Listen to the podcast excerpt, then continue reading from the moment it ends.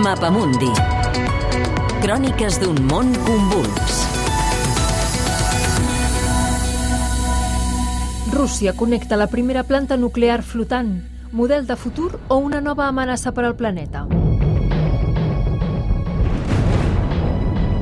Al port de Sant Petersburg un vaixell estava a punt de salpar, però a diversos països del nord d'Europa van sonar les alarmes. Havia de fer una travessia pel golf de Finlàndia i el mar Bàltic per posar rumb cap al mar del nord.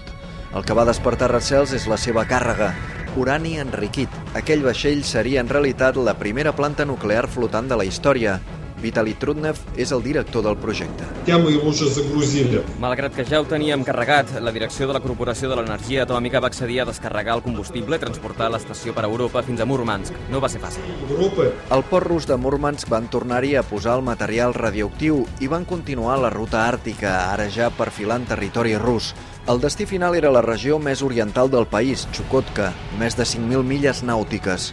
La primera planta nuclear flotant del planeta ja ha superat la fase de proves i ha començat ara la seva explotació comercial. Però per què Rússia ha optat per aquest sistema pioner? I Transportar els materials de construcció a Chukotka és caríssim.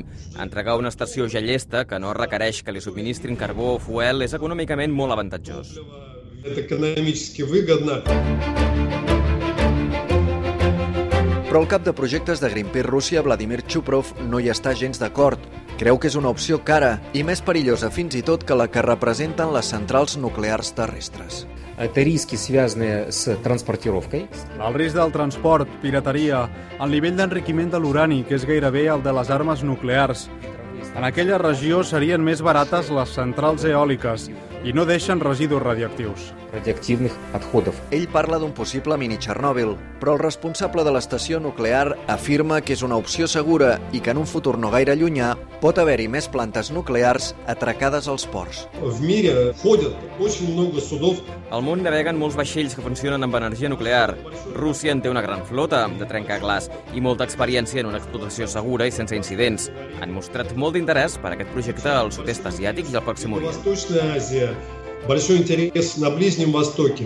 Rússia és una potència construint centrals per a diversos països i ara ja té una peça nova al catàleg. La primera s'ha quedat a casa, es diu Acadèmic Lomonosov i és la onzena planta nuclear de Rússia. Aquesta, que ja retalla el perfil del moll de la ciutat de Pevek, té dos reactors a bord i se li calcula una vida de 40 anys. Un model de futur segons l'Agència per a l'Energia Atòmica Russa. Per als ecologistes s'ha activat una bomba de rellotgeria, una més. És un reportatge des de Moscou de Manel Elias amb el muntatge tècnic de Jordi Galbany. Disponible al podcast del Mapamundi.